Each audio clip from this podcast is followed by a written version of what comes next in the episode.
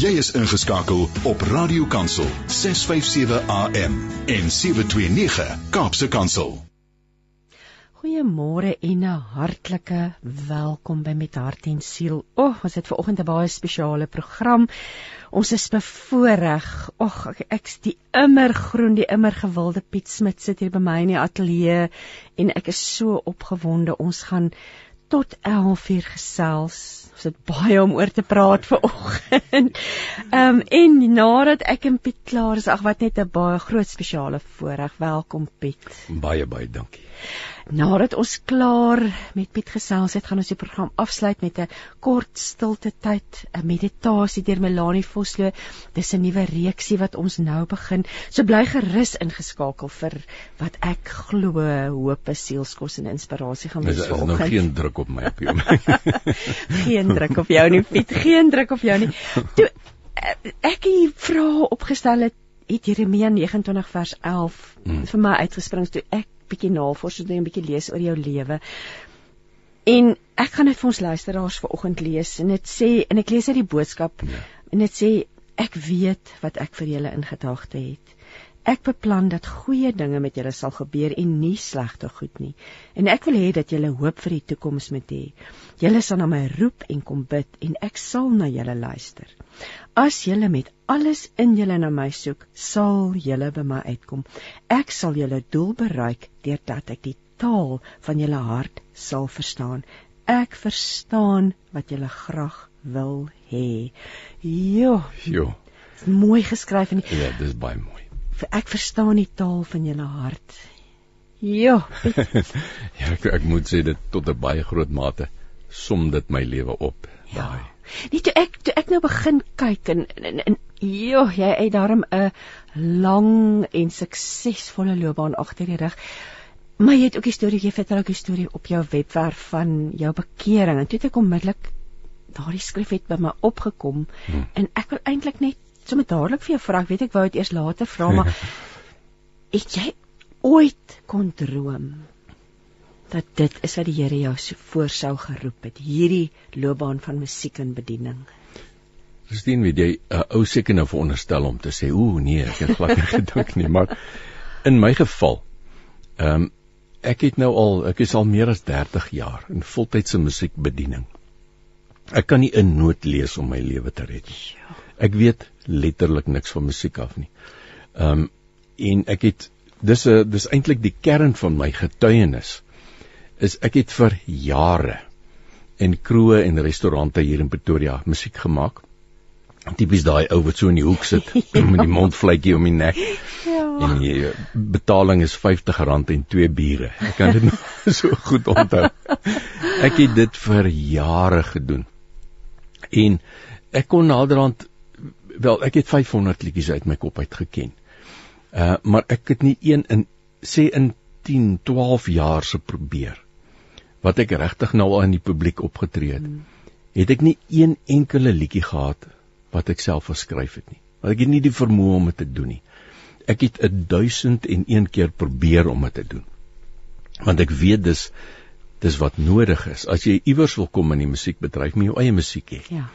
En ek het dit 1000 keer probeer, maar ek weet nie waar om te begin nie. Ek kan nie die note lees nie. Ek het nie 'n uh, idee nie.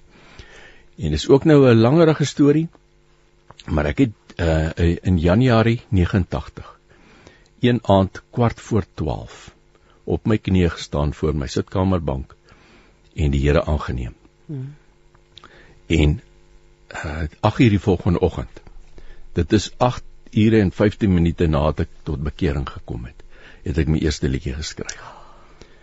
Die herlewingslied. Ja. En dit 2 of 3 dae later die man in die middel en dit het net uit my uit begin uitborrel. Die Here het letterlik, en ek sê dit absoluut tot sy eer. Die Here het letterlik my oornag die vermoë gegee om musiek te skryf. Hy het natuurlik geweet jy kan, hy het net gewag ja, dat jy ek... na hom toe kom en Ja, en hy het my eers laat vir 10 jaar laat oefen om voor mense te sing.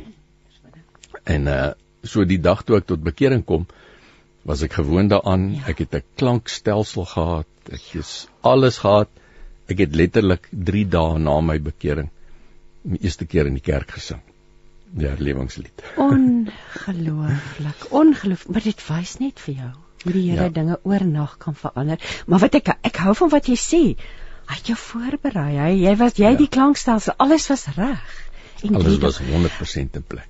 Piet, jy het in Leidenburg groot geword. Um, O nee, glad nie. ek is daar gebore. O, gebore in Leiden. Ek ek het dit gebore op Leidenburg. Maar Ja. vertel 'n bietjie van ons vir, vir ons van jou grootword jare. Okay, die die die storie van Leidenburg is uh, my pa maat in uh Seepunt in die Kaap gebly. My pa was 'n omroeper daar by Jy's die SAIK. eintlik 'n Kaapen. Ja. ja. Ehm um, en op daai tyd want my pa was 'n omroeper en hy het uh 'n nagskof gewerk ook op. Hy moes ook skofte werk. Ja. En toe ek nou op pad is, toe was dit nou presies in sy nagskoftyd en Ai. toe toe hy op 'n manier van die Kaap af my ma en my broer wat toe al gebore was Leidenburg toe gevat na my ouma hulle. Wou net sê daar was seker dan familie. Ja, ouma is daar en toe ry hy weer terug om te gaan werk. Toe's ek gebore in Leidenburg en seker 'n week of 2 later het my pa ons weer kom haal. Aarde tog dit so juist in dit. Ek kan dit nog baie goed onthou daai eerste week daar in Leidenburg. nee, ons het uh, toe vir 3 jaar wat ek ook glad nie kan onthou nie, vir 3 jaar in Seepunt gebly. Toe het my pa verplaas na die SAIK in Bloemfontein. Daar het ek klaarblyklik 1 jaar gebly en toe het hy nou Pretoria toe getrek en die ander ehm um, hoeveel is dit 61 jaar wat Woon jy nou al tot is ek maar hier in Pretoria. 'n Pretoriaaner nou Ja. eintlik van Maar ek sal nie uitpraat oor Murgen- vir wie ek skree nie. Gelukkig het ons die naweek vir die vir die vereenspan geskryf. Ja, dis die waarheid. Piet en eh, die radio, so jy het groot geword met die radio. Dink jy Ja. dis waar jou liefde vir musiek vandaan gekom het? Ehm um, ek dink deels ja, uh, definitief ehm um, my pa het ook deur sy kontakte het ek en my broer, dis iets wat ons in ons hoërskooltyd gedoen het. Ons het gereeld oor radio stories ehm um, oor die SAK ja, opgetree. Ja. O, Opgetree. Ja, ja, ons julle het was- uh, ons- deel gewees van die van die rolverdeling en die kinderstemme gedoen in uh, die radiodramas. Uh, daar was ook daai tyd 'n program vir die kleinspan ek onthou en uh, my pa het stories verwerk, die Jasper stories en die Trompie stories O, en so het hy vir die radio verwerk. En ek en my broer het elkeen 'n rol gehad in die goed. So ek was letterlik van kleins af gewoond aan mikrofone en my hoe radio goeters werk. Maar my pa was ook 'n musiekonderwyser. Dit het ek nou nie geweet nie, maar voor hulle getroud is, was hy musiekonderwyser. En toe ek so 12, 13 was, het hy vir my en my broer begin klavierlesse gee. Maar ek het myself so gou as tot my grootste spyt vandag gou as moontlik daar uitgewrim want ek wou eerder rugby speel. O, hoorie, daai teorie en daai sit agter ja, en die toonlere. En kyk nou net nou as jy spyt. Ek jy so speel die gitaar. daar. Jy speel Ja, die gitaar. nee, sure, maar ek ek kan nie 'n noot lees om my lewe te red nie. Dit wat ek kan doen op 'n gitaar het ek myself geleer. En in waar het jy skool gegaan dan? Uh ons het in Valhalla gebly. En so ek het in uh, Valhalla se laerskool gewees al jare en in Voortrekker Hoogte in die hoërskool gewees. En daarna waterpaaie die lewe toe met jou geloop. Ag weet jy ek het nie 'n vreeslike wat is ehm um, wat dit 'n 'n roemryke loopbaan gehad. Het jy's baie nederig. Ek het maar ons het daar in Valhalla gebly. Mhm. Ehm um, tot ek getroud is en toe ons toe ons nou 'n uh, huis opsit en huis koop het ons geskuif Moreletta Park toe. En dit was toe nou 'n vars nuwe ontwikkeling neem ek aan. Ja, Moreletta, ja, ja, toe ons daar gebly het was daar nog meer katte agter in ons tuin. en hase en sulke goed. Ehm um, maar ja, ek bly al meer as 40 jaar daar in ehm um, Moreletta Park. Ek het maar my hele lewe lank hier in Pretoria gewerk en soos in 30, 32 jaar terug voltyds begin sing. Soos maar wat ek doen. Ja, Piet, maar ek het nou gesels oor Elmarie. Julle is in 1978 getroud. Um pa van twee seuns, Johan en Leon, oupa van drie kleinkinders. O, my hart se punt. O, oh, dit klink vir my, ek wag nog om 'n ouma te word, is nog nie vir my beskore nie, maar dit klink of dit 'n ja. reuse impak op 'n mens se lewe het. Dis regtig so. Ek het uh, ek vertel altyd met smaak die storie van ek was nog maar altyd al die jare het ek regtig langs my neus afgekyk vir hierdie groot manne, vol volwasse manne met grouwe stemme wat so 'n kuchiku oor die babietjies nie. Ja. Ek was nie 'n babietjie ou nie en ek het oh. regtig gedink, ag nee kerels, hou nou op. Maar daai eerste dag toe ek my eerste kleindogter so in my in my hande vashou, 3 weke oud. En sy kyk my so in die oë en sy glimlag vir my. Toe kuchiku ek ook. Kuchiku jy ook. Ek wil net vir ons luisteraars sê, julle is baie welkom om saam te gesels. As jy dalk 'n vraag vir Piet het, Piet, jy's jy's op die warm stoel, is jy welkom om vir ons 'n WhatsApp boodskap te stuur. Jy kan ook 'n stemnota stuur na 082 657 2729. So jy's baie welkom om saam te gesels. So ons ons sien uit om van jou te hoor. Jou Piet en jou gesin. Eh, dit is nie 'n maklike lewe dink ek. Ek sal nie weet nie, maar jy kan hmm. nou vir ons vertel as jy uh, moet rondreis want jy moes rondreis vir optredes oor die jare nie waar nie. Hoe hoe het jou vrou het sy saam gegaan? Maar, maar sy moes seker na die kinders kyk. Hoe het julle dit gedoen? Um, ek kan begin deur te sê dat 'n deel van hierdie antwoord wat ek jou nou gaan gee, mm. is staan in my boek ook wat ek nou geskryf het. Mm. O, ons um, gaan nog net lekker diepte oor hierdie boek gesels. Ja. Ehm um, maak foute in jou lewe. En ehm um, dit is een van die foute. Mm. Ek het aan die begin ehm uh, wel, toe die Here my geroep het en ek het voltyds begin sing het en die gehore al groter begin word het mm. en die kerke al hoe verder my begin nooi ja, het. Ja. ja. Was dit vir my soos 'n uh, iets uit die hemel uit om te dink dat ek kan 'n bydrae maak in die koninkryk. Ek kan vir die Here werk en hoe meer ek dit gedoen het, hoe meer het hy dit geseën en hoe groter het dit geword en dit was vir my 'n absolute wonderlike ervaring gewees tot vandag toe nog.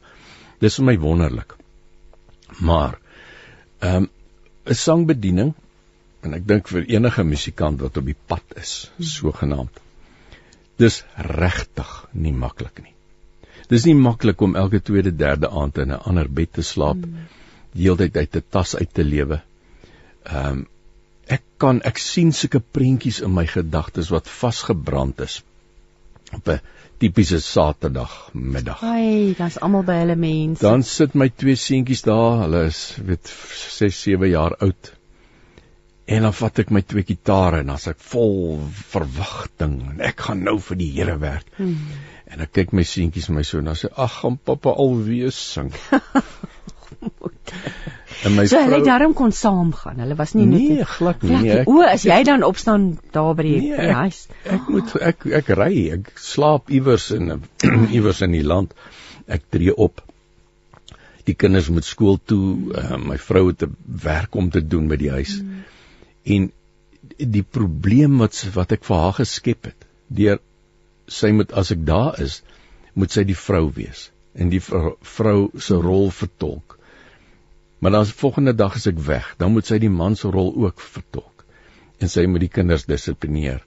En dan as ek terug dan sy weer die vrou en ag weet jy dit het soveel probleme veroorsaak en soveel spyt wat ek vandag het dat ek nie meer aandag aan my mense gegee het nie. Ja, maar dis wat nou gebeur as mens ouer is en jy kyk terug. Dis waar. En dan is dit 'n groot vraag, maar die Here het jou geroep nie en dis dink ek iets wat baie gelowiges mee sukkel is die balans tussen ja. die Here se werk doen en ek dink mense in die bediening kan hieroor getuig, hiervan getuig. Ja.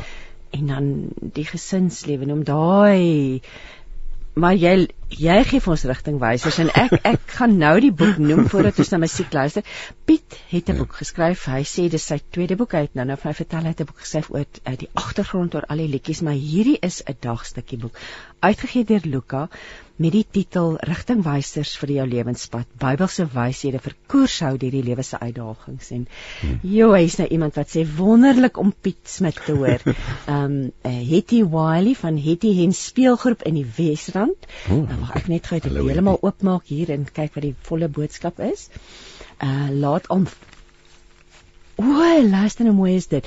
Hetty Wiley van Hetty Hen speelgroep in die Wesrand laat al vir meer as 10 of 15 jaar haar kinders in hulle konsert instap op die oorwinningslied en dit het nog elke keer dieselfde krag. Aletta, ek het hulle het vra watter musiek van Piet met ons speel, toe sê ek so lank as die oorwinningslied speel. dit is net 'n wonderlike wonderlike lied. So lekker om van jou te hoor Aletta. Ehm um, maar kom ons luister na musiek. Kom ons ons hulle het vir ons hier gekies en dit ek ek ek is altyd so verstom oor hoe gepas die musiek ja. altyd by die program is. Ek het niks met die musiek te doen nie, behalwe hierdie keer het ek gevra vir jou musiek. Ehm um, en dan is dit elke keer so net absoluut van pas. Kom ons luister na Piet Smit wat sing Waar kan jy groter liefde kry? Jy is ingeskakel op Radio Kansel 657 AM en 729 Kaapse Kansel. Môre, ehm um, Sak van der Berg hierso. Baie baie dankie vir 'n wonderlike en geseënde program wat jy altyd aanbied. So ons is nou bly vir Piet. Ja, ek wil net ek wil nie eintlik 'n vraag vra nie, maar ek wil net sê vir Piet sê, ehm um, ek het op 31 Augustus 1978 tot bekering gekom, my hart vir die Here gegee dien hom nog al die jare en sê so, ek ek was toe op 'n kamp gewees en daar het ek die eerste keer vir Piet Smit gesien. Toe was hy nog so 'n ruwe, ongeslekte diamant. Ek self en natuurlik ja, ons het maar 'n lang pad ons agter ons het, maar ja, van die begin af het ek nog was ek nog altyd mal oor sy musiek en daarna geluister en was so wonderlik geweest. Al sy liedere, al sy goed, ek het van sy CD's gekoop en al die goed. So ek het baie van sy musiek ook in my besit en sê dis is dit nou moeiliker om nie dat die mense serie het nie en die nuwe goed is maar moeilik om af te laai en dit te doen. Maar ja, ek wil net sê sy musiek is wonderlik baie geseën. Die Here het hom absoluut gebruik as instrument om baie baie mense se harte te verryk en en hulle lewens op te bou. So ons wil maar net sê baie dankie vir hom en ook vir julle vir 'n baie mooi en geseënde programme vir Radio Kansel. Ons waardeer julle regtig baie en mag julle van krag tot krag gaan daarso. Goed gaan daar. Lekker dag verder. Bye bye. Dankie Zak vir jou boodskap koningsdogter Jolandi sê Drinie en Gerard Kreur het Piet Smit se sang in die Drie Riviere gemeente bygewoon en het so baie geniet verlede Sondag. My man is verslaaf aan die oorwinningslied. Ons sal hom verseker speel. Piet is 'n pragtige nederige kind van die Allerhoogste God. Ons sal eer jou Piet. God se lig skyn helder deur jou. Christine Pinaar sê Christine baie dankie vir die onderhoud met Piet. Ek wonder hoe sou hy in retrospek dit anders gedoen het met betrekking tot sy gesinslewe. Ek het soveel respek vir sy eerlikheid. So ja, hoe sou jy dit anders doen? Vra Christine. Ja wel, ek sou net ehm um, daaraan gedink het dat die wêreld waarheen die Here my stuur, gaan na die gaan na die nasies toe hmm. en gaan verkondig my evangelie. My kinders en my vrou is ook deel van daai nasies. Hmm en jy moet eers by die huis bedien en dan in jou gemeenskap en en dan verder. Ek sou nie as ek weer kon oordoen. Wel, twee dinge sou ek gekies. Ek sou verseker die Here 20 jaar vroeër aangeneem het. Oh. maar ek sou baie beslis meer moeite gedoen het om ook vir my vrou en kinders eers te bedien voor ek die die wêreldse mense gaan bedien. En dis wonderlike wysheid wat jy nou deel met dalk jonger mans wat luister en ja. op die pad van hulle loopbaan is daar soveel druk om te voorsien nê en, ja. en en en my kind het toevallige ding die naweek vir ons gelees oor dat ons amper 'n afgod maak van werk. Die wêreld het ons geleer en want dit gaan oor voorsiening en oorlewing ja. en en en en, en eintlik ja, moet ons in die wêreld meet jy ook aan jou finansiële sukses en wat jy bereik het in die lewe. En dit is teenoorgestel aan wat die Here sien as sukses. Ja. Ehm um, ek dink Stefan Joubert het eendag gesê, sukses is as die Here jou uh jou naam ken. Dat as hy jou as 'n hmm. vriend aanvaar en as jy uh, by sy voete kan sit, dit is sukses al die ander goed. Jy weet, as jy eers die koninkryk soek, dan sal al hierdie ander goed bygevoeg word. Ja, ja. Maar hoeveel keer het ek nie al in hierdie afgelope 3 dekades jong mense ehm uh, meegepraat wat hulle rug heeltemal op die Here gedraai het. Hmm. En dan baie kere kom jy agter, dis die dominee se kind of die pastoor se kind. Hmm. Wat net sê hoorie as dit die liefdevolle God is, dan wil ek niks met hom te doen hê nie want hy vat my pa weg van my af. My pa kan nie met my praat nie want hy praat met die gemeente se kinders. So, ja, dis 'n groot fout wat ons maak. Ja, maar bly maar mens, nê? Verseker. Rita sê vir ons goeiemôre, dit is so lekker om te luister na Piet. Is daar dalk iewers waar ek van Piet se CD's kan koop? Piet. Wel ja, ek het nog 'n hele kas vol van my eie CD's. so Rita kan met jou kontak maak. Is Ja. daar 'n ooh, ja, weet jy, ek dink die maklikste ding, as ek dit nou maar hier oor die lug mag ja, sê, absoluut. my webblad is baie maklik www.pietsmit.com. Uh pietsmit.com. Daar's al my inligting, selfoon, e-mail, alles is daar. Mense kan my net kontak. Ek het nog heelwat van my CD's. En ek het 'n plek nog waar ek dit laat maak ook. So, ek het nog voorraad. Lydia sê sy het al in 26 Kerssangfeeste opgetree en al 26 feeste is met die oorwinningslied afgesluit. Dis dit Lydia van Radio Kansel. Nee, Lydia Lamprecht. Ja. Ja, ja, Ja. ja ongelooflik. So daardie lied jy ook nie gedink gaan so so impak hê nie. Nie eers naas dan by nie. So ons het nou gepraat oor die grootword jare. Jy het met radio musiek groot geword. Ehm um, voltyds op die sangbediening toegetree in 94. Ehm um, op watter stadium het jy besef maar hierdie is nou 'n ding wat ek voltyds moet doen? Ehm um, ek dink dit seker wel binne die eerste jaar nadat ek uh begin sing het of geestelike liedjies begin maak het. Ehm um, dit was aan die begin eintlik maar net vir my 'n passie om dit wat die Here met my gedeel het, want die want die liedjies wat ek geskryf het, het my eie vrae en my eie insigte wat ek by die Here gekry het verwoord. Man in die middel byvoorbeeld, my tweede liedjie wat ek ooit geskryf het, is ek in die hoofrol. Ek is die ou wat daar voor die kruis staan met die spies en hom in sy sy steek en ek is die ou na wie toe hy afkyk en sê Vader vergewe hulle. So ek kon my eie emosies en insigte kon ek verwoord in my musiek. En die wonderlikheid dan om te sien en te ervaar dat dit vir ander mense ook iets beteken. So vir die eerste jaar was dit vir my regtig net 'n passie om die die uh inhoud van my liedjies met mense te deel. En dit was die meeste van die tyd maar met vyf tannies by die aftreeoord of die of die dames by die by die Bybelstudie of so. Ehm um, Klein Maar- begin groot gewin. Dis dis die waarheid ja. Dis jy moet nooit die die dag van klein begin minag nie sê die Bybel. Maar ja, ek seker omtrent 'n jaar na my bekering het die Ma Maranatha plate maatskappy my eendag ek kontak Lukie Karelsen en my gesê, weet, ons het mense gestuur om na jou te gaan luister. Ons sien wat jy doen, ons hoor wat jy doen, ons hoor jou liedjies. Kan ons eh, vir jou 'n produksie opneem. So toe het ek begin dink, "Sjoe, ek het nou nou my eerste CD in die hand en ehm uh, ek het gewonder wat daarvan. Uh want ek het 'n besigheid gehad op daai tyd. Ek het my eie besigheid gehad. Heeltemal goed gedoen. Maar daar het net 'n passie in my hart ontstaan om uh as die as die gemeente jou begin vra in die buurgemeente in die mm. volgende eers ver gemeente mm. en dit het al hoe groter en groter geword.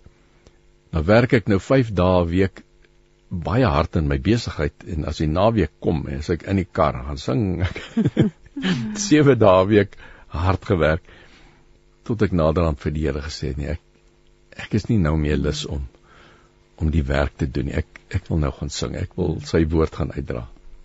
En dit het lank gevat. Ek het seker my vrou het net gesê, "Waarvan gaan ons lewe?" Oh, En ek het ook eintlik maar 'n baie naïewe be besluit gemaak. Ehm um, ek het kan onthou ek dink was in 94 of so. Een goeie Vrydagmiddag aan die einde van my maand of so my ja, so my besigheid toegemaak en daai eerskomende eh, eersvolgende maandag voltyds begin sing nie 'n idee gehad waar ons inkomste vandaan gaan kom nie. Maar dis nou al 33 jaar later en die Here sorg nog altyd vir ons. Annie skryf vir ons en sê ek lief Piet Smit se stem. My vriendin se begrafnisdiens het gister plaasgevind en die oorwinningslied was gesing. Halleluja. Oh, en dan sê Lydia vir ons ons reël nou die 27ste fees op die 4de Desember by die Rovera Hotel en Piet sing daar. En Lydia sê sy is al 30 jaar by Radio Kansel. Sê ja, kan jy dit? Ja, dit is lieflik. Dis lieflik. So die 4de Desember as jy vir Piet wil hoor, as jy so lank wil wag. dan ja, kan jy. Maar ehm um, joe Piet, dit is wat 'n storie en so dit word te jou lewe. Dit word te jou loopbaan. Ja. En 34 mee as ek nie reg mis dit nie hoeveel albums. Ja, dis al dalk 'n paar meer as 34, ja, maar ja. maar ja, dit is in daai orde grootte. Ja, en ek dit is ook interessant dat jy goed ontvang is en natuurlik in België en Nederland. Ehm um, ja. Ja, ek moet sê dit was nogal vir my 'n ervaring. Ons het iewers in die verlede, ek weet nie, wag, 10, 15 jaar terug, het die Maranatha platemaatskappy 'n video gemaak in die voetspore van Jesus. Uh en ons het dit in Israel, het ons die video gaan opneem. Ehm um, en dit eintlik maar die Here se Here Jesus se lewe op aarde ehm um, in musiek vasgevat. En na die uh, besoek aan Israel, het ons nou vyf is Jan de Wet en Willie Hubert hmm. Wanda en Lisbie en ek. Toe Jan de Wet vir ons in Europa so 2 of 3 ehm um, optredes gereël. Hy sê hy het kontakte daar en kom ons gaan net op pad terug van Israel af. Kom ons gaan hoor net of die Hollanders ons kan verstaan of die Duitsers. Hmm. Want Jan kan so 'n bietjie Duits praat ook. En ons het so 2 of 3 optredes gehad omdat ons nou ba baie onbekend was in daai uh omgewing die die optrede is nie eintlik baie goed bygewoon nie en ek dink hy was nie baie suksesvol nie.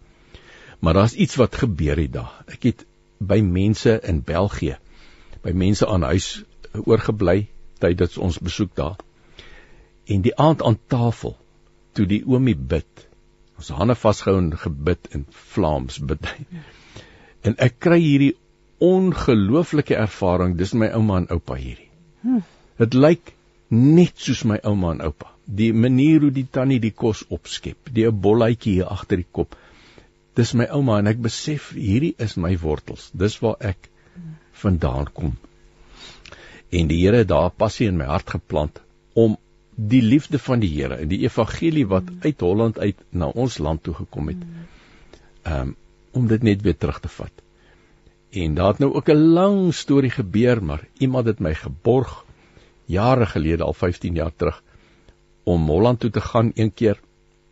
En die gevolg daarvan is dat daar's 'n platemaatskappy wat my goed verkoop in Holland.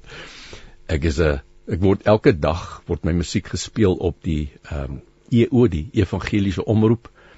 Uh dis Radio Kansel daar in in Holland. Ek het seker vir 10, 12 jaar van my lewe elke jaar Holland toe gegaan, partykeer twee keer 'n jaar om daar te gaan optree vir 3 weke elke keer. En ja, ek het ook al, ek bin min mense weet dit, maar ek het al 4 Hollandse CD's ook opgeneem. Eve gesingen vir die Hollanders. Fantasties. dit is fantasties. Ja. Dit is so interessant. Jo, is nou 'n Nelly wat vir ons sê Piet met 'n uitroepteken. Sy sê my seun het op skool tot bekering gekom deur jou lied. Halleluja. so graag glo dat ek sy kind is en hy het op 28 gesterf oh. in 'n motorfietsongeluk. En dan sê Chrissy Bell uit Engeland, sy's 'n gereelde luisteraar hmm. en hulle het op die 26ste Augustus ook 'n gedenkdiens gehad en Piet se oorwinningslied is daar gespeel en daar is saam gesing. So Ach, van Nederland tot tot ehm um, tot tot in Engeland. Sy sê ek ken Piet ook al 30 jaar gelede by die Wawel Park in Stilfontein ontmoet. Kan jy dit oor vertel? het jy gesing of vakansie gehou, Piet? nee, ek het baie by Wawel Park opgetree. Ag, lief. Dit was my baie moeilik want hulle het so klein gazebo dingetjie daar opgeslaan. en dan staan ek met my kitaar daar en my musiek is nou nie vreeslik ritmies nie. En voor my is daar 'n swembad met 1000 skreeende kinders, kinders. en dan moet ek nou sing. oh, dit mis is maar die, maar die Bybel sê ons moet die woord tydig en ontydig. maar kyk net daar vertel Chrissy Bell nou vir ons 30 jaar later. Halleluja. Wat die impak wat dit op haar gehad het. O, ek dink dit is tyd vir musiek. O, oh, Piet het so na die liedjies gekyk en hy het hier vir ons 'n paar toe nou uitgekies. Hy het net nie 'n 'n sê gehad oor die oorwinningslied nie. ek sou hom ook gekies het. O, oh, dis die mooiste lied. Ons gaan nou luister na die keuse wat jy maak. Kom word daders van die woord saam met 657 Radio Kansel en 729 Kaapse Kansel. Klanke van die lewe. Jy luister dan met hart en siel. Piet Smit is ons gas vir oggend en joh, die mense gesels so lekker saam. Greta Grobler het 'n boodskap gestuur en sy sê goeiemôre Christine en my geliefde Swarie Piet Smit en die luisteraars.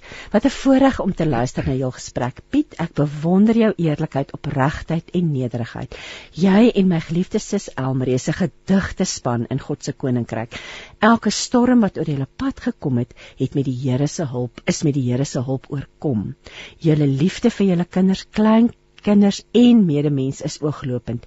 Piet, ons almal het foute gemaak, maar danksy die Here se vergifnis, nadat ons ons sonde bely het, word ons deur sy groot genade vergewe. Ek is so lief vir julle en trots op jou en Elmarie en dit is van jou skoonsis Greta. Prys die Here, Greta, baie dankie. Oh, en dan het Estel Gerber vir ons 'n boodskap gesê. Sy sê ek is baie lief vir Piet Smit. Hy is so nederig met 'n klomp oos en dat skildery sulke pragtige tonele. Hy het ons al so baie gebless in Nelspruit. Liefde en groete van Estel.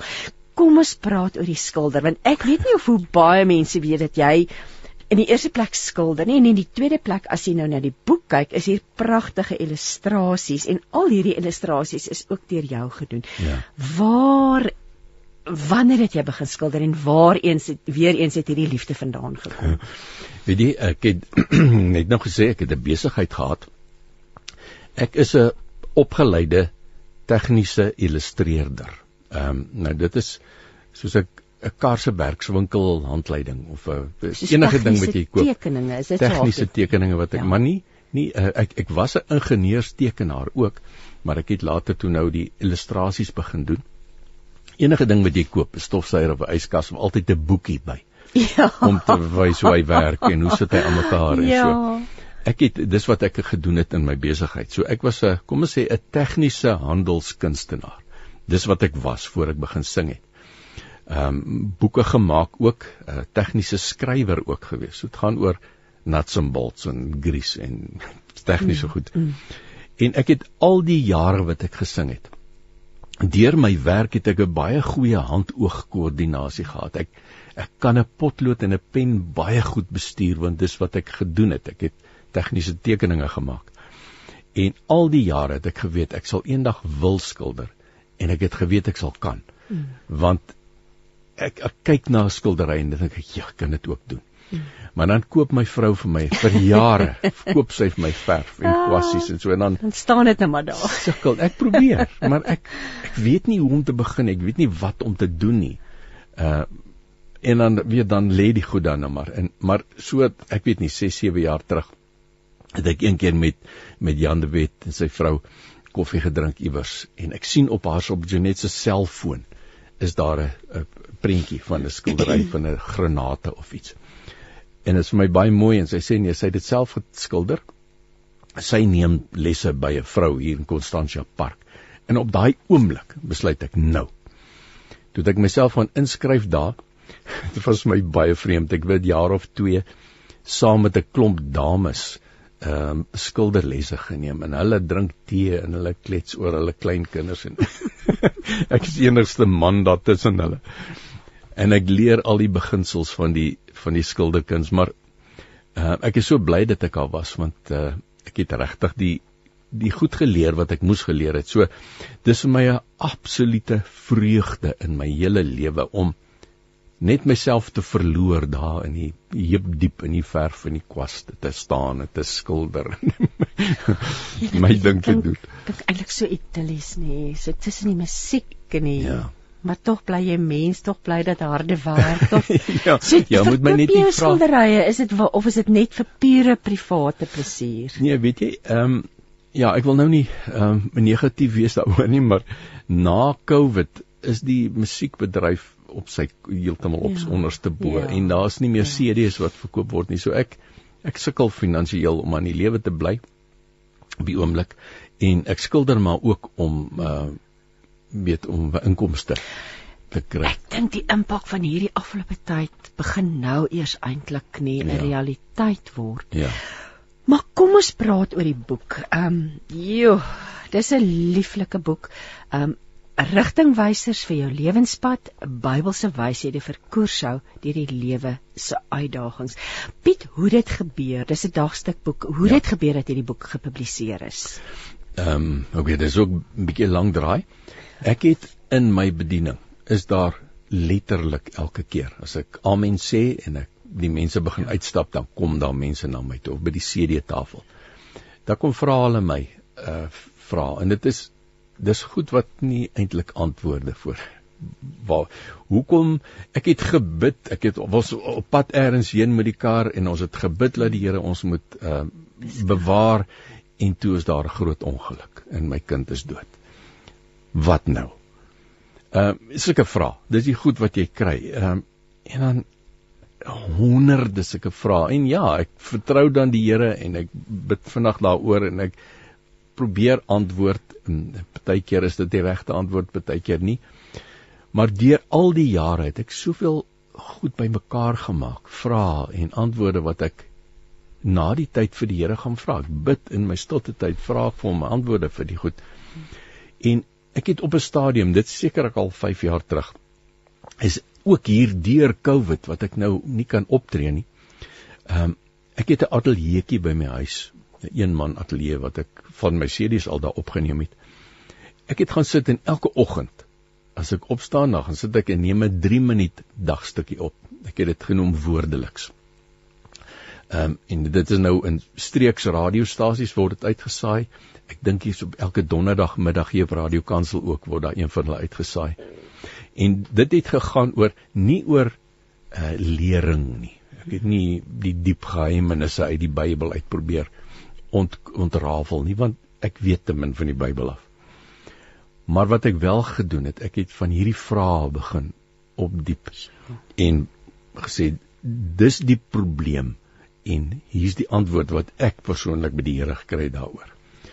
Goeters soos ehm um, die Bybel sê ons moet gee sonder ophou. Ons moet gee soos die Here Jesus gegee het aan die armes. Maar nou staan daar letterlik op elke straathoek staan daar 'n bedelaar.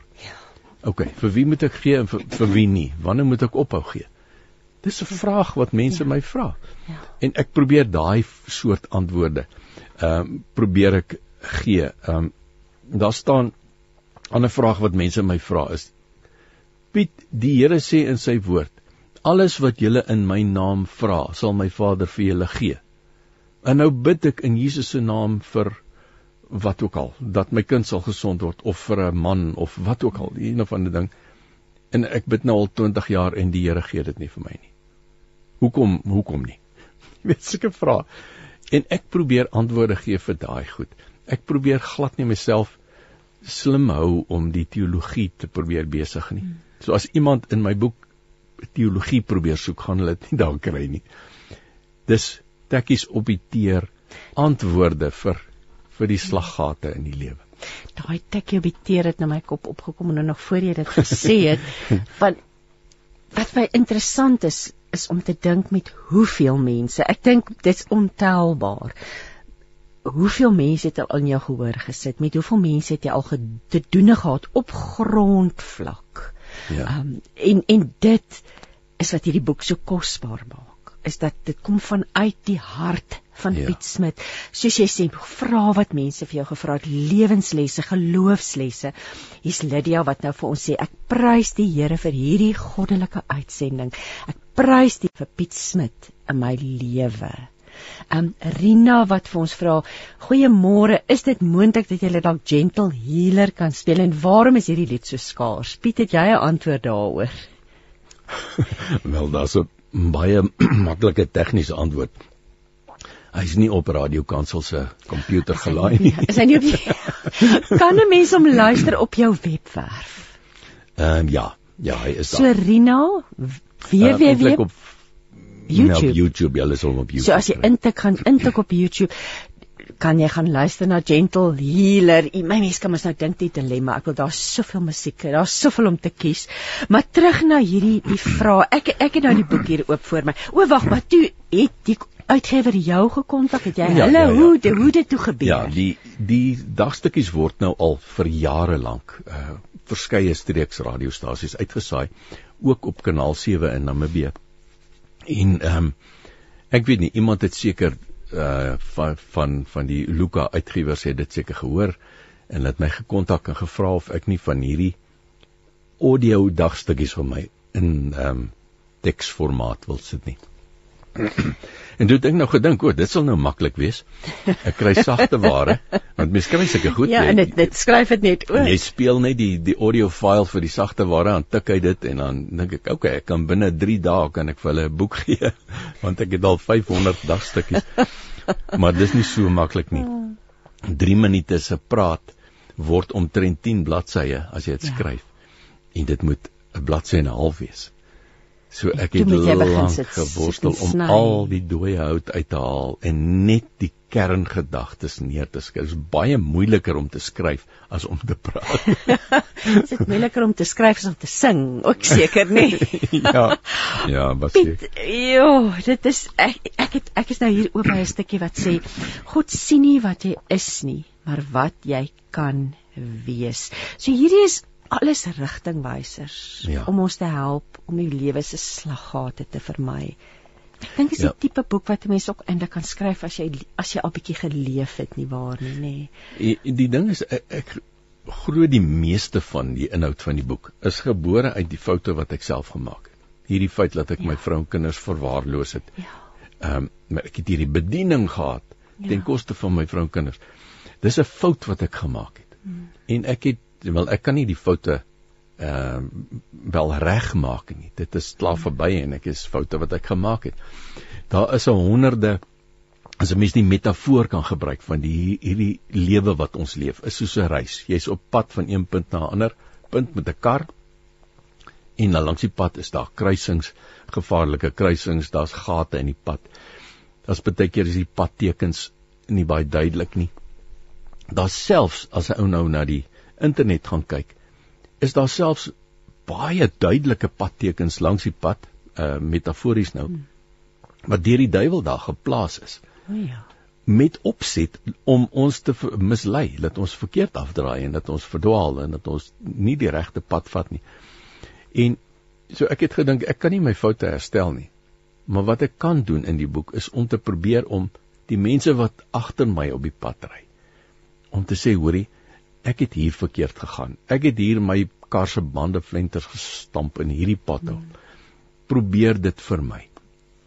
Ek het nie uh, dis nie teologie nie. Dis nie sê die Bybel sê dit. hè. lewenswysheid. Dit Ja. is absoluut wat dit is lewenswysheid en ons het net daaroor gepraat die belangrikheid van stories want elke liedjie vertel 'n storie ja. en ander mense se stories inspireer ons soos wat jy ons konstant nou al vir meer as 30 jaar uh, inspireer deur jou stories. So, jo, kom ons kom ons luister nou nog 'n storie. En dit is Piet wat vir ons gaan sing toe ek nog 'n kind was. Jou daaglikse reisgenoot 657 Radio Kansel en 729 Kaapse Kansel. Jy luister dan met hart en siel. Ek gesels met Piet Smit. Ja, jene, ons ehm um, het nou geluister toe ek nog 'n kind was. Die man in die middel kom nog op. Ehm um, natuurlik die oorwinningslied. Hier's nog 'n hele paar wat kom. Meer as 200 liedjies sê jy. Of Ja, selfs ek- meer. Selfs meer. Wel, ek het nou lanklaas almal getel, maar maar daar is 'n klompie. terug by die boek. Jo, dis wonderlik hoe die geskrewe woord hande vashou met die musiek. Um ek wil net vir ons luisteraars sê hierdie boek het letterlik dink ek verlede Vrydag dis was Vrydag wanneer wanneer was dit die 1 die 1 September donderdag. Ja, ja. Letterlik nou op die rakke verskyn. So dit is kraak vars. Ehm um, soos dit ek so deurblaai, jene hier's 'n pragtige illustrasie van van 'n man wat saai en die opskrif van hierdie hoofstuk en ek's nou so 'n bietjie ek wil ek wil hierdie wyshede ek wil hê Piet met vir ons bietjie hierdie ja. wyshede deel vanoggend. Um om so 'n wyse mensie by my in die ateljee te om te bly saai terwyl jy huil. Dis 'n jolly moeilike besig. Jy het net ook gesê daar's nie druk op my nie. Geen druk nie. Hierdie kom alles uit jou binnekant. Ja, die om te bly saai terwyl jy huil. Ja. Dis een van daai vrae. Dit staan in uh Psalm 126 al loop jy en huil terwyl jy die saai sak dra. Jy sal jou oes met gejuig inbring, nê. Ehm um, dis een van daai goed wat ek aan my vel gevoel het. Ek het honderde kere al in my lewe dat ek in my, in my kar sit. Ek het my waantjie aangehaak met die klank en ek moet nou ry. Ek gaan nou 3 en 'n half ure ry na 'n plek toe. As ek daar aankom, gaan ek my klank uitpak vir 'n half uur en 'n half. Ek gaan vir 'n uur en 'n half optree dan gaan my klank oppak en ek gaan CD's verkoop en ek gaan terugry en ek gaan môreoggend 3 uur by die huis kom. Dis wat vir my voor lê. Hmm. Dan sit ek in my kar en die die engine sal aan, dan sê ek Here, ek sal nou geld betaal om nie, om nie te hoef te ry nie. Ek is stikkend, ek is moeg. Ek is hartseer oor my hmm. vrou en kinders en wat ook al. Hmm. Ehm um, maar dan dink ek nou maar net nee, ek sal Psalm 126 sê, die oes gaan met 'n gejuig inkom. en dan byt ek net op my tande en ek ry en dit is gewoonlik daai optredes waar die waar die wonderwerke gebeur nie, waar regtig mense uh o loskom van negatiewe goed en innerlike genesing en so. Um, en, en dit het my gepla. Dit al vir jare is dit vir my 'n probleem dat die Here oënskynlik en dit is nie so nie, maar dis hmm. oënskynlik gee hy niks om vir jou emosies nie. Jy wat die woord bring en wat ander mense moet bemoedig. Dit oënskynlik worry hy nie veel ja. oor jou emosies nie. Ja. Of jy nou huil of nie, jy hy verwag van jou om om ander mense te bemoedig. Ek kan onthou 'n dag my pa het dood gegaan. En my optredes is in daai week klaar lank, maande voor die tyd al vasgemaak met my pa is oorlede en nou moet ek gaan sing. staan ek voor in die kerk ek huil binne in oor my pa. Maar dan praat ek die mense moed in en ek vertel weet die vreugde van die Here is ons krag en so. Ehm um, en ja, is nie maklik nie. Maar dit is wanneer dit die woord effektief raak, wanneer dit vrug dra. Is as jy ten spyte daarvan ter wille van die van ten spyte van jou eie emosies jou eie seer kan aanhou en aanhou al loop jy in huil terwyl jy die saad uitgooi. Daai hoop wat daar vir ons is dat eendag ehm um, gaan ons daai oes met gejuig inbring. Jy sê so mooi hierso maar wat elkeen van ons kan doen is om te bly saai. Al is dit maar so deur die deur ons trane heen. Ons kan die Here bly vertrou dat hy ons lot sal verander net hy kan ons terugbring na die hemelse Jerusalem. Ons gaan nog oor 'n paar van hierdie gesels, maar jy het nou daar 'n sleutelwoordjie genoem en ek wil graag hê ons moet daaroor gesels innerlike genesing. Wat beteken dit vir jou en, en jy het 'n passie daarvoor want dit ja. Gebeur, jy het dit al sien gebeur oor al die jare wat jy musiek maak. Kom ons praat oor die die krag van innerlike genesing. Ehm um, ek dink 'n innerlike genesing is definitief iets wat ek ook ehm um, baie keer nodig gehad het al in my lewe. Ehm um, ek weet nie ek is vreeslike emosionele ou. mens ek dink 'n mens moet wees om sulke mooi musiek te kan skryf en sing. en dan beleef ek dinge of dit's goed waarvoor ek bid wat die Here oënskynlik nie antwoorde gee nie en dan draai ek dit om in my kop en ek rol dit rond en ek raak al hoe meer de depressief en ek dink draai myself hier en draai kolk vas. en dit maak seer binne-in en ek weet ek weet hoe voel dit. So ek kan dit raak sien in ander mense. Ek kan ek kan hoor in ander mense as hulle sukkel. Ehm um, as hulle gebid het dat die kind gesond moet word en die kind gaan dood. Hmm. Nou het hulle hierdie wrok teen die Here en hulle kan eintlik niks sê nie. Hulle kan nie met iemand praat daaroor nie want as hulle by die by die beraders en die teoloë gaan aanklop en by die geestelike sangers wat nou al die antwoorde het dan kom daar eintlik net verwyte weet. Nee man staan op die woord mm. kom kom kom kom mm. jy kan nie jou rug op die Here draai nie. Uh, en daai seer word net al hoe meer en meer. Met die antwoord daarin lê nie in een of ander mirakel wat weet een of ander engel wat jy uit die hemel uit gaan kom en met 'n towerstafie op jou kop kom tik nie. Uh, uh, ons moet besef wie ons is in die Here. Ons moet ons eie waarde besef en besef dat die Here kyk jou, hy kyk nie daar van die hemel af en hy sien daar iewers is 'n klein wit stippeltjie in die in die hemelruim waar die aarde is en iewers daar op die aarde daar bly Kosie Kramer nou nie. Weet en weet ek is ook lief vir hom tipe van ding nie. My prentjie is die Here sit sy hande op jou vange en hy hou jou gesig naby aan hom. En hy kyk in jou oë. Hy sien in daai twee wit kolletjies die die refleksie in van homself in jou oë. En hy sê in jou oor vir jou my kind jy is my kosbaar. Jy's die kroon van my skepping. En as ons by daai punt kan uitkom dat hy sê ja dit is seer en ek voel sleg en ek is siek en my mense en ek is COVID, bang en ek is bekommer uh, ja ek weet nie waar gaan my geld vandaan kom om my my inkomste of wat ook al wat ook al of my huwelik werk nie of so. Dat ons daai oomblik kan hê wat ons net weet dat ons weet dat ons weet die Here is lief vir my. En die die manier ons daarby uitkom is die Here gaan dit nie skree bo oor die statiese geruis van ons lewe en die gejaagdheid en die gehardloop nie. Ons moet tyd maak sodat hy sy hande op ons wange kan sit. Ons moet stil word voor hom en net gaan sit. Selfs al kom ons baie keer by 'n punt waar ons sê, weet, ek gaan nie Bybelstudie doen of knieë deur bid en intersessie en so nie. Ek gaan net 'n ruk lank hier sit met my oor teen die Here se bors. Gaan jy 'n woord sê nie? Ek gaan net luister. En as hy dan ook niks sê nie, dan is dit ook oukei. Okay, want dat ek met hom tyd gespandeer. Rina, ek is ek Rina is byt vas. Sy sê vra asseblief vir Radio Kansel om daardie lied te laai. The Gentle Healer, dis die mooiste lied. Ons praat nou oor innerlike genesing. So ja. hierdie the gentle healer. Dit is wat God is, nê. Nee. Dis ja. presies wat jy nou beskryf het. Ja, absoluut. Kom ons luister wat sê Petra Smal. Ag, Pieter, ehm, um, waar die kanse luisteraars is, as ek luister nou na jou, dit is baie keer so waar, maar baie keer wragtig.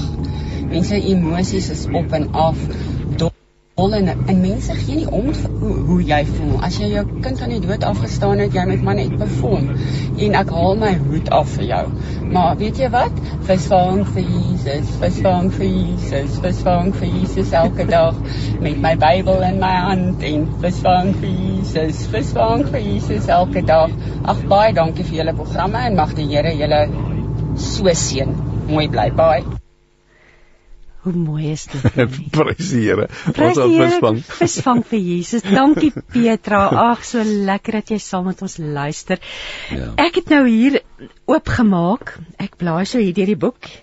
Hier's nou 'n interessante enetjie. Soos 'n plattelandse gemmerkoekie. Nou wat kan ons nou leer by die plattelandse gemmerkoekie? ja, ek moet sê ek ek gee myself uit as 'n absolute fenominale ekspert op gemmerkoekies. ek weet als van gemmerkoekies af. Nee, die die idee agter daai storieetjie is ehm um, as ou op die platteland optree, dan kry jy gewoonlik so so 'n ding, so 'n skinkbordjie met daar's 'n bottel druiwesap in die middel en biltonkies en neute. Is alles so met krinkelpyper toegedraai en so so hamper ding wat jy nou kry.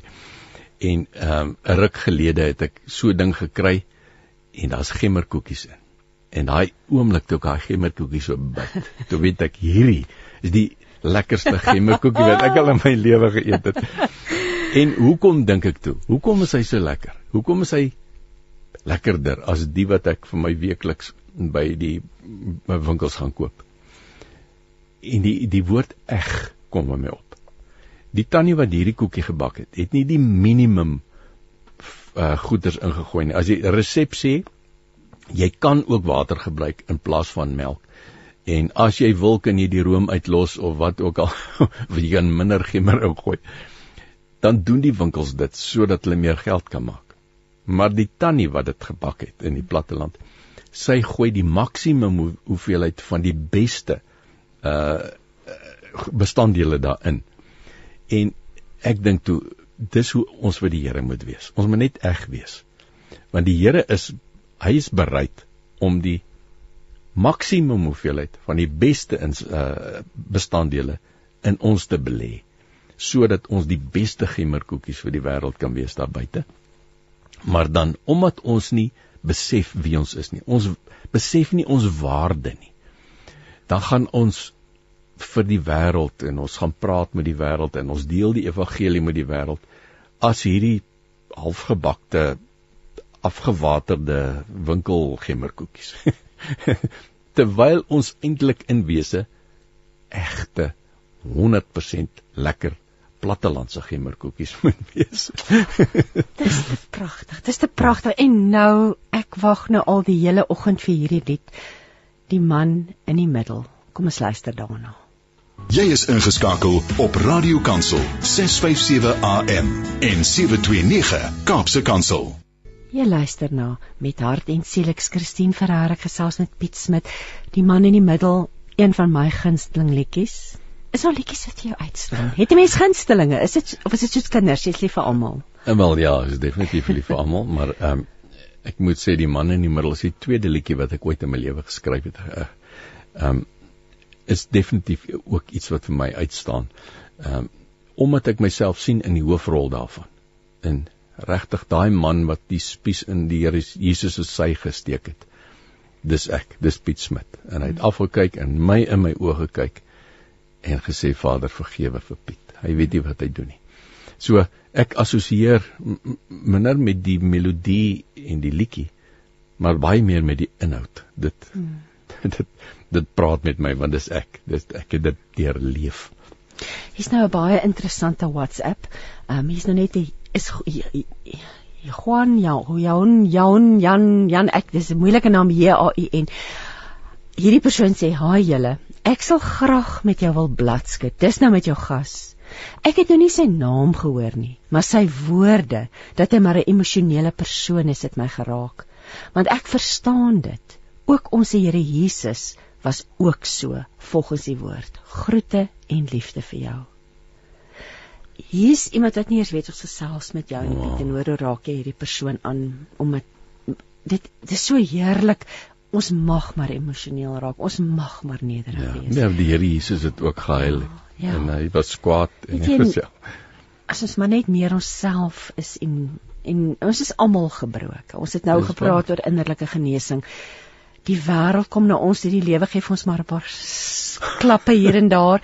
Daar's hoogtepunte, daar's laagtepunte, maar ja. deur alles ehm um, ehm um, dat dat hier's iemand wat nou hier is nou 'n pragtige dis 'n kommentaar op 'n getuienis maar ek dink dis ook van toepassing uh, dis op ons Facebookblad wat sê dankie Jesus dat u so getrou is dat u altyd die verandering bring nê nee. ja ja hier's nou 'n lekker stuk ek is terug by die boek rigtingwysers vir jou lewenspad jy gaan moet verduidelik. Die ventertjie van jou gewete.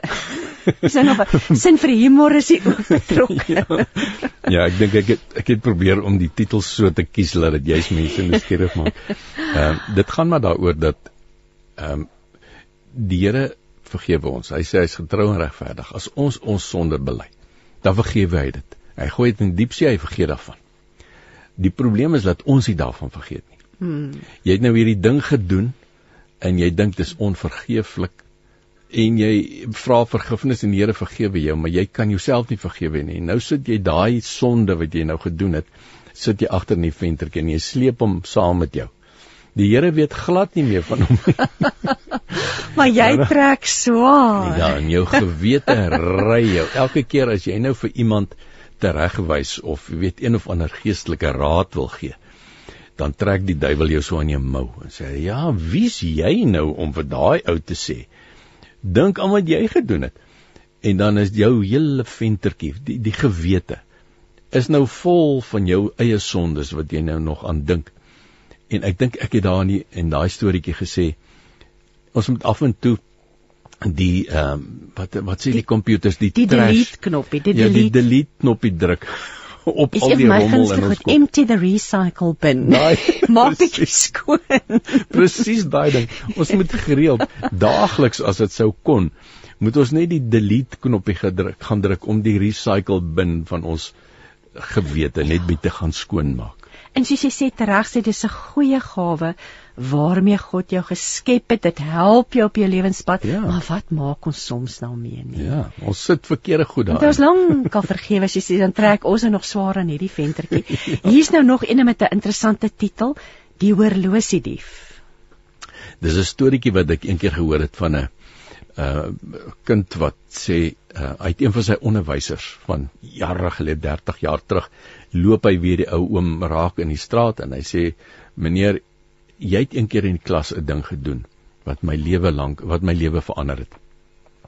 Die storie is dat die die kind wou baie graag 'n oorlosie gehad het. Maar hy het nie 'n oorlosie nie, sy ouers kan nie bekostig nie en een van sy maatjies kry toe 'n oorlosie en die oorlosie lê daar en in 'n onbesonde oomblik steel hy die oorlosie. Hy vat die oorlosie. En die kind gaan klaar toe by die onnie en toe is almal nou voor stok en die hele almal moet daar teen die muur gaan staan, oë toemaak en die die uh, onderwyser gaan nou almal se sakke deurvoel en die onderwyser gaan uit en hulle gaan staan almal teen die muur en hy kom terug en hy voel almal se sakke deur.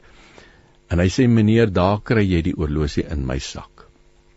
Maar in plaas daarvan om my daarvoor almal nou uit te kry as 'n dief, het jy net aangegaan en almal se sakke deurgevoel. En nooit my daaroor aangespreek nie. Die oor- oorlosie is teruggegee en ek het al my straf gekry wat ek moes in die spanning van die oomblik. Maar meneer, hoe het jy dit reg gekry om vir al daai jare nooit vir my daaroor aan te spreek nie? Toe sê die onderwyser nee, ek het ook toe ek teruggekom met my oë toegemaak. Sodat ek nie sou weet wie dit was wat die ding gesteel het nie. En dis presies wat die Here Jesus doen. Ja. Hy kry die oorlosie in ons sak wat ons gesteel het. Maar hy hy verkondig dit nie aan die wêreld nie. Hy stel die probleem reg, gee die oorlosie terug vir die eienaar en hy vat die die die paksla aan die kruis vir ons. So dis maar waaroor die storie gaan. Ja, hier's nog een, hier's baie. Hier's hier, hoeveel dagstukke, hoeveel is hier in? Dis Hoeveel- 150. Is daar 150. So en die mens wil hulle nie alles op een slag lees nie. Jy wil hulle lekker verteer. Hier's nou ook 'n baie interessante on ehm um, opskrif en dit sê Jesus, dis koos. Ja, dis weer 'n storieetjie van 'n man wat so half 'n nominale Christen hy hy's nie uh, agnosties of apaties teenoor die Here nie, maar hy dien hom eintlik ook nie. Weet hy bid nooit nie en hy sê nee, ja, weet ek het my kerkie weet. En eendag is hy nou in 'n hospitaal en hy's net voor hy vir 'n baie groot operasie moet ingaan. Lê hy nou al alleen daar en hy voel, joh, hy moet seker bid. Maar hy weet nie hoe om te bid nie. En al wat hy kon uitkry, hy maak sy oë toe en hy sê Jesus, dis dis koos. Dis al wat hy in sy gebed kon uitkry en toe daar gryp die verpleegsters hom en hy's in die saal en dit is 'n vreeslike hartoperasie. En lank na die tyd toe hy nou weer wakker word, toe hy weer alleen en hy hoor hierdie pype en hierdie masjiene goeders hier langs hom en hy het verskriklike pyn en so en, en daar deur die nevels voel hy iemand vat aan sy hand. En iemand sê vir hom koos, dis Jesus. En hierso sê jy die rigtingwyser wat deel is van hierdie hierdie hierdie storie is die Here Jesus vat in die gees nou jou hand en hy sê vir jou my kind dis Jesus. Ja. ek is by jou. Stap jy maar net vorentoe. Ek is langs jou. Elke tree van die pad. Kom ons luister na Piet wat vir ons sing die liefde laat ons doen. Dien. Dien ja. ja Jy is ingeskakel op Radio Kansel 657 AM en 729 Kaapse Kansel.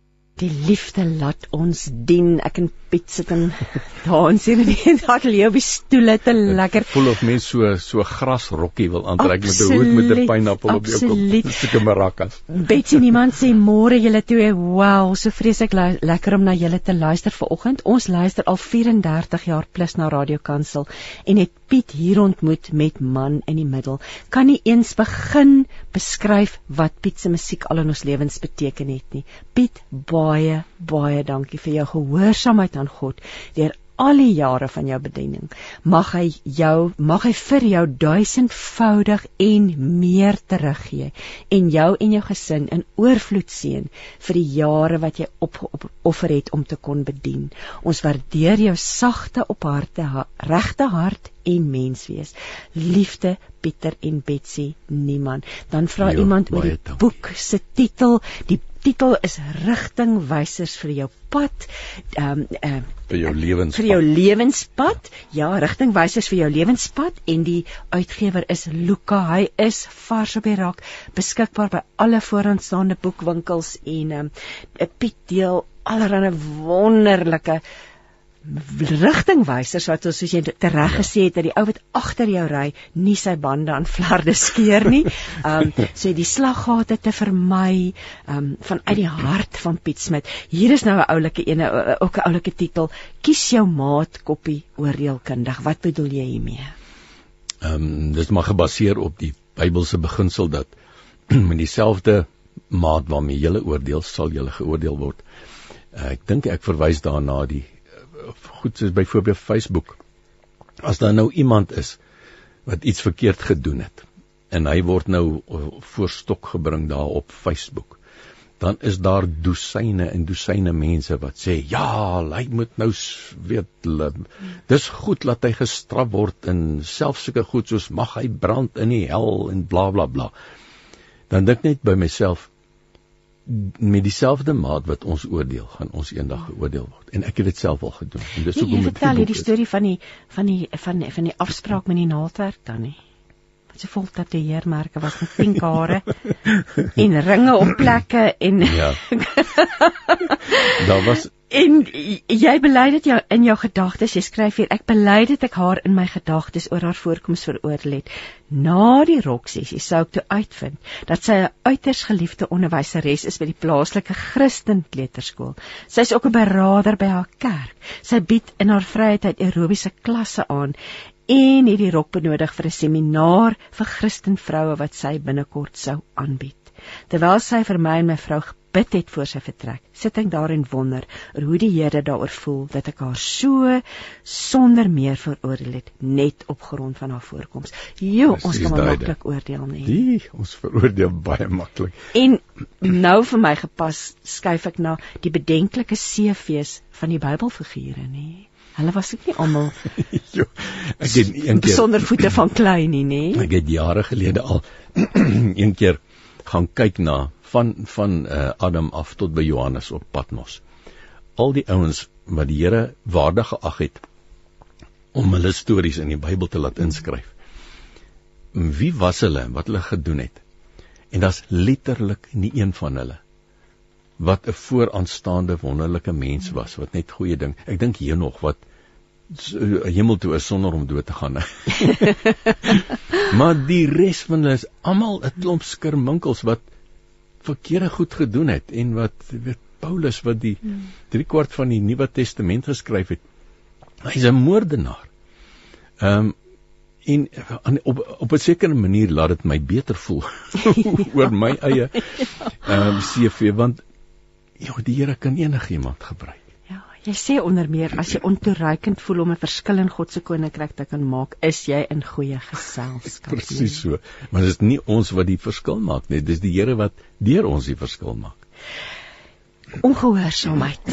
Ons kom ons praat 'n bietjie daaroor. Ons het voor die tyd dat ons gesels en jy sê mense luister nie altyd nie. Hulle volg maar hulle eie koppe. Hulle hulle luister nie altyd nie. Ons is geneig om praat baie, luister min hier is iets wat ook dink ek iets belangrik is, is en jy sê in hierdie hoofstuk ongehoorsaamheid se ander naam is ellende. Kom ons praat daaroor. ja, die Ehm um, ek dink ek nou net die stelling gemaak. Dis nie ons wat die verskil maak ja. aan ander mense nie. Ja. Dis die Here. En die Here wil ons lewens ook verander.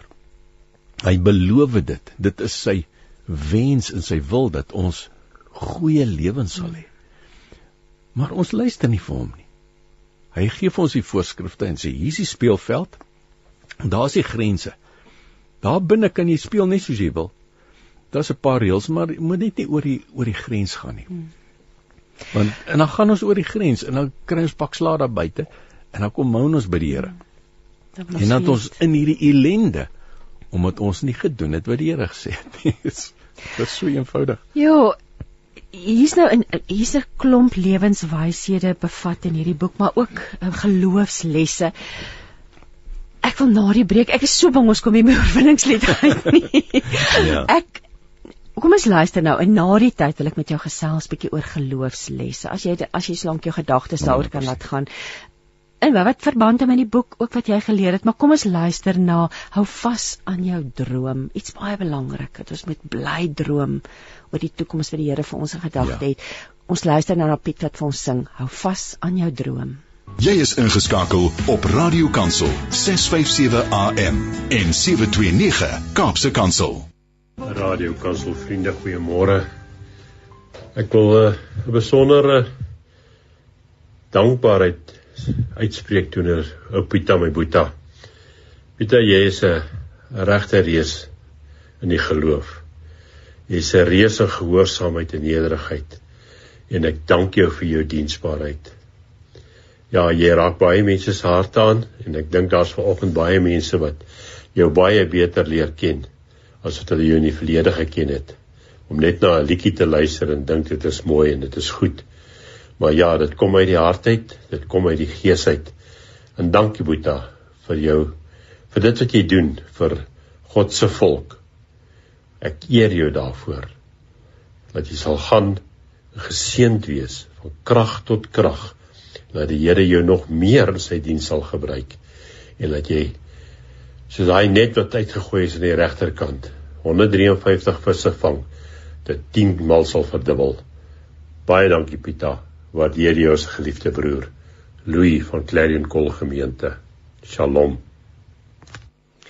Baie baie dankie vir daardie kosbare boodskap wow, vanoggend. Ja, baie dankie. Profetiese woord. Ek en ons vat dit, ons vat dit. Ja, Lydia sê ook ek ken Piet al 30 jaar, maar vanoggend het ek hom nog dieper leer ken. Dankie daarvoor.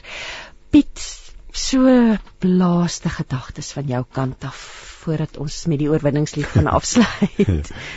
Ja, weet jy daar's twee dinge wat ek graag sou wil deel. Ehm um, uh, iets wat uh, ek leer dit ook nog self. Ek ek het nog nie by die by die volheid daarvan uitgekom nie, maar ek het dit hier geskryf.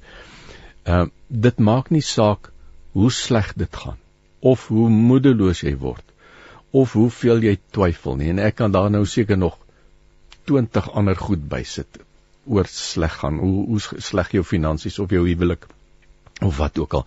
Dit maak nie saak hoe sleg dit met jou gaan nie. Die Here sal altyd by jou wees en hy sal jou nooit in die steek laat nie. Dit al voel dit nie so nie. Dis iets wat ek geleer het en ek ek dink die die belangrikste ding wat ek geleer het deur al die eh, bergtoppe en al die donker dale wat ek al deur is in 30 jaar. Die Here het nog nooit ooit een keer my in die steek gelaat nie uh terwyl ek hom al 1000 keer in die steek gelaat het. Hy's altyd daar. En die die ander ding wat ook vir my, ek sê dit omtrent vir myself elke dag. Dis 'n ding wat Winston Churchill gesê het tydens die Tweede Wêreldoorlog. Hy het een keer op 'n radio 'n toespraak het hy die mense van Engeland moed ingepraat en toe sê hy vir hulle: "Never never ever ever ever give up." dis dis ja. dis 'n bietjie in die gees nou my motto. Ja. Moenie opgee nie. Die Here is ja. daar en eendag, eendag is nie meer lank nie. Hy gaan een van die dae terugkom en dan gaan ons ons oes met 'n gejuig inbring.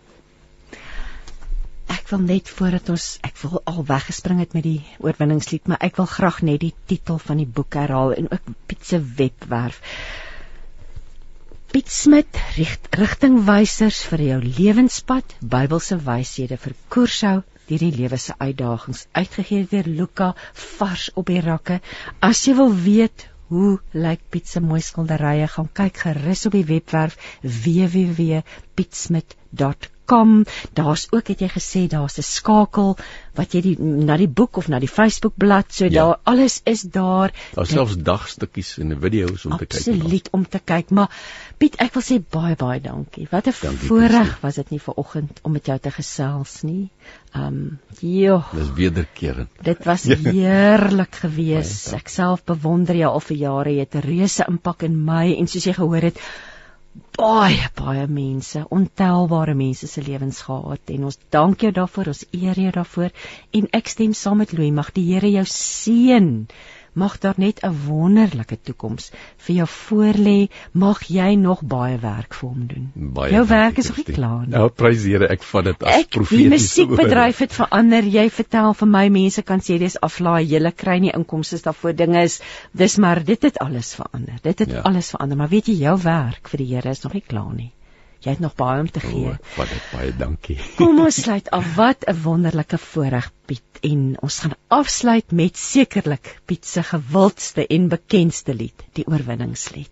Jy is ingeskakel op Radio Kansel 657 AM en 729 Kaapse Kansel. Amen. Prys die Here, seker een van die mees beminde liedere in Afrikaans.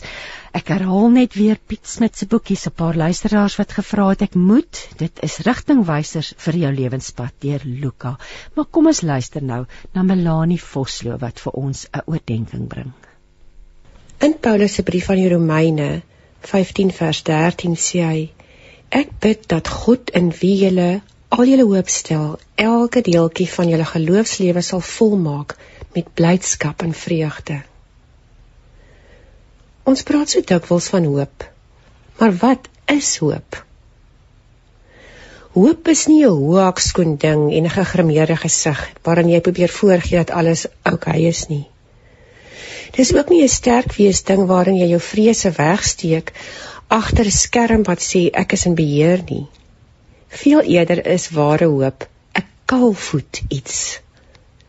Dis om sonder pretensie te erken dat die lewe soms vir jou te veel is, maar dan wel dapper genoeg te wees om voort te gaan. Dis om omgekrap te wees, gefrustreerd te wees, maar tog rus te vind dat ook dit wat jou nou so ontstel verby sal gaan. Dis om met gestroopte eerlikheid te weet dat jy bang is, maar tog vorentoe beweeg. Hoop is om in stormwindtye stille rus te ervaar en die wete dat sy genade weer vrede vir jou sal bring. Hoopdraers is mense soos jy. Mense wat ook die skerp klippe onder hulle voete voel, ook moeg word en ook soms wonder waar en alles gaan. Maar wat dan kies om saam met jou Vader voort te gaan, aan te hou op die reis. Jy aanbid 'n genade God wat jou ken. Wat weet wat nou in jou gemoed afspeel. En wat jou liefhet, net soos wat jy is. Daarom kan jy die vrymoedigheid hê om by hom die skoene van jou hart sommer net uit te skop. Te deel wat regtig op jou hart lê. En dan sommer net by hom rus te vind. Dis waar jy ware hoop sal vind ook nou daar in die holte van sy hart waar jy maar kan gaan lê. Vader, dankie dat ek by kan tuis kom. Dankie dat ek nie hoef voor te gee nie, maar net kan wees. By u kan sit op die dae wat ek baie moed het en dapper voel, maar dat ek ook by u kan wees op die dae wat my hoop laag lê. Vandag kies ek om met gestroopte eerlikheid in u hart van liefde en deernis en genade te lê. Amen. Jy is ingeskakel op Radio Kansel 657 AM en 729 Kaapse Kansel. Dit het tyd geraak om te groet maar ek wil graag sommer net in die lig van alles wat ons vandag gehoor het, um weer vir ons Jeremia 29 vers 11 lees wat sê: Ek weet wat ek vir julle in gedagte het. Ek beplan dat goeie dinge met julle sal gebeur en nie slegte goed nie. Ek wil hê dat julle hoop vir die toekoms moet hê. Julle sal na my roep en kom bid en ek sal na julle luister. As julle met alles in julle na my soek, sal julle by my uitkom. Maar julle julle sal julle doel bereik deurdat ek die taal van julle hart verstaan. Ek verstaan wat julle graag wil hê. Ons gaan afsluit met Piet wat vir ons Piet Smit wat vir ons in liefde se naam sing. Ek sê dankie vir Pom manne vir die tegniese bystand en ek groet jou tot volgende week. Totsiens.